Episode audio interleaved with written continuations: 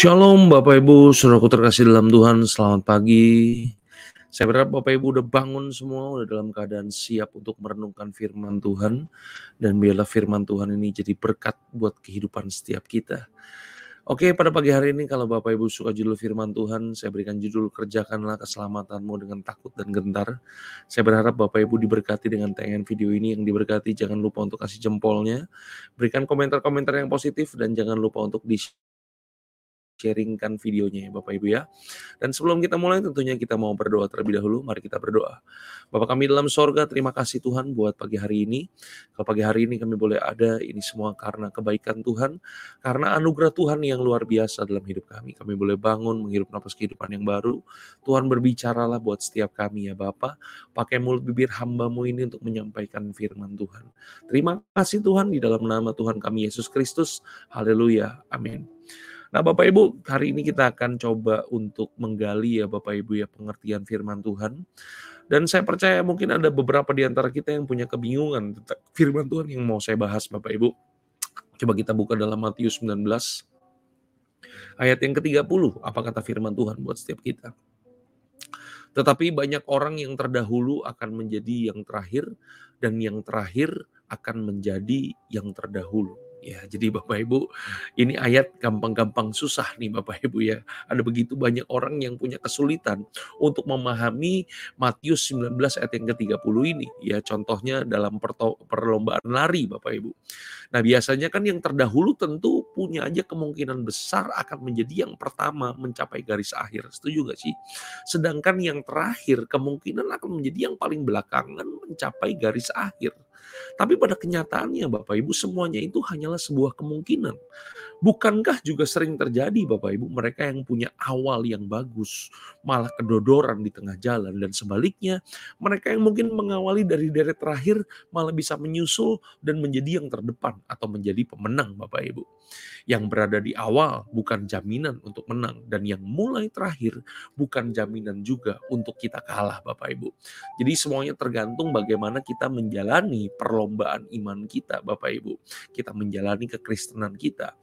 Nah, yang terdahulu akan menjadi yang terakhir dan yang terakhir akan menjadi yang terdahulu. Ini bicara dalam konteks keselamatan Bapak Ibu.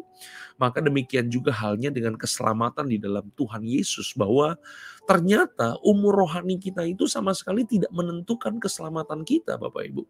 Kita yang mungkin udah puluhan tahun jadi orang Kristen bukan sebuah jaminan untuk kita bisa masuk surga dan sebaliknya bagi petobat-petobat baru tidak perlu berkecil hati seolah-olah kita sudah ketinggalan jauh Bapak Ibu. Yang paling terpenting adalah bagaimana kita menjalani perlombaan iman yang telah diwajibkan dalam kehidupan setiap kita Bapak Ibu. Bagaimana kita mengerjakan keselamatan kita itu penting Bapak Ibu. Kita mengejar keserupaan kita dengan Tuhan. Makanya pengkhotbah 9 ayat yang ke-11 firman Tuhan katakan apa? Lagi ini penulis pengkhotbah ya Bapak Ibu ya, penulis kita pengkhotbah memberikan hikmatnya kepada kita.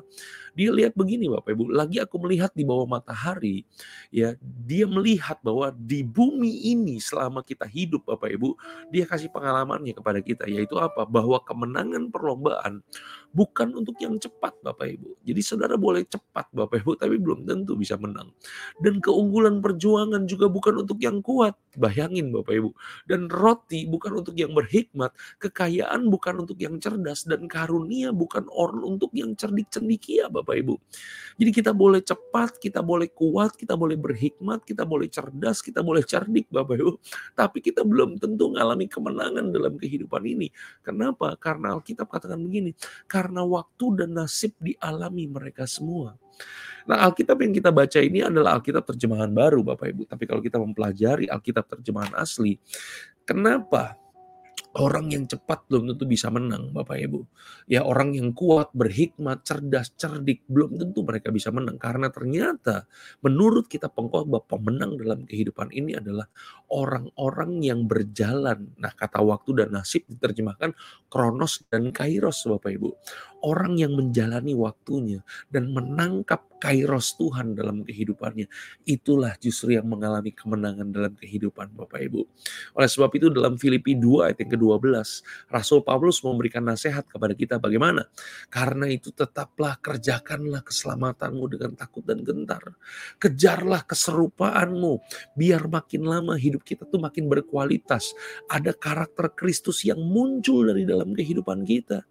Jangan sampai kita udah lama jadi orang Kristen, kemudian kita berpuas diri, kita berbangga diri hanya karena umur rohani kita yang sudah tua teman Bapak Ibu ya kan.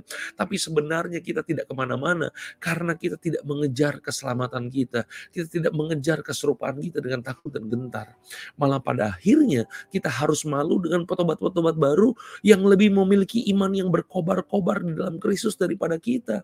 Kita yang mungkin udah dewasa secara rohani Bapak Ibu. Dan sekali lagi ada sebuah pepatah katakan bahwa kedewasaan rohani tidak ditentukan dari berapa lamanya kita jadi orang Kristen Bapak Ibu. Betul nggak sih? Hari ini Bapak Ibu Saudara kasih dalam Tuhan, mari kita berlomba-lomba untuk mendapatkan mahkota sorgawi yang telah disediakan bagi kita.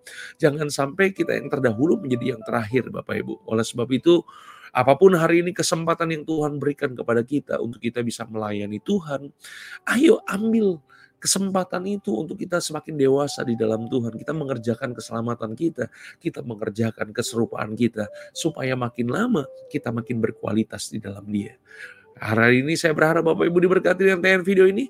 Yang diberkati jangan lupa Bapak Ibu untuk kasih jempolnya dan kasih komentar yang positif. Mari kita berdoa. Bapak kami dalam sorga, terima kasih Tuhan buat pagi hari ini. Kalau pagi hari ini kami boleh bangun, kami boleh menghirup napas kehidupan yang baru.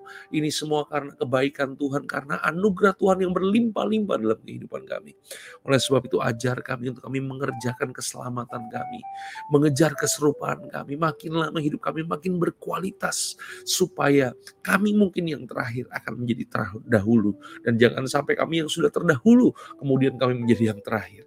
Berkati kami ya Bapa, supaya kami bisa menangkap kairos Tuhan senantiasa dalam kehidupan kami. Terima kasih Bapa di dalam nama Tuhan kami Yesus Kristus. Haleluya. Amin. Shalom teman-teman Cry Center TV.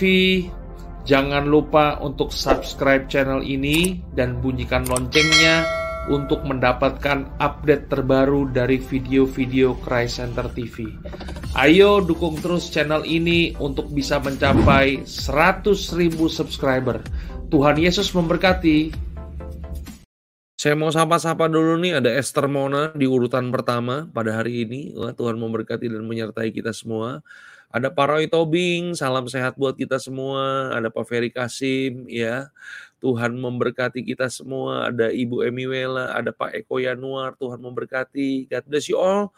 Semangat selalu, salam sehat, salam kerajaan. Kita akan ketemu lagi besok hari Jumat, hari terakhir di minggu ini Bapak Ibu. Sekali lagi jam 5.45 pagi. Oke? Okay? God bless you all. Tuhan memberkati kita semua. Salam sehat, salam kerajaan. God bless you all.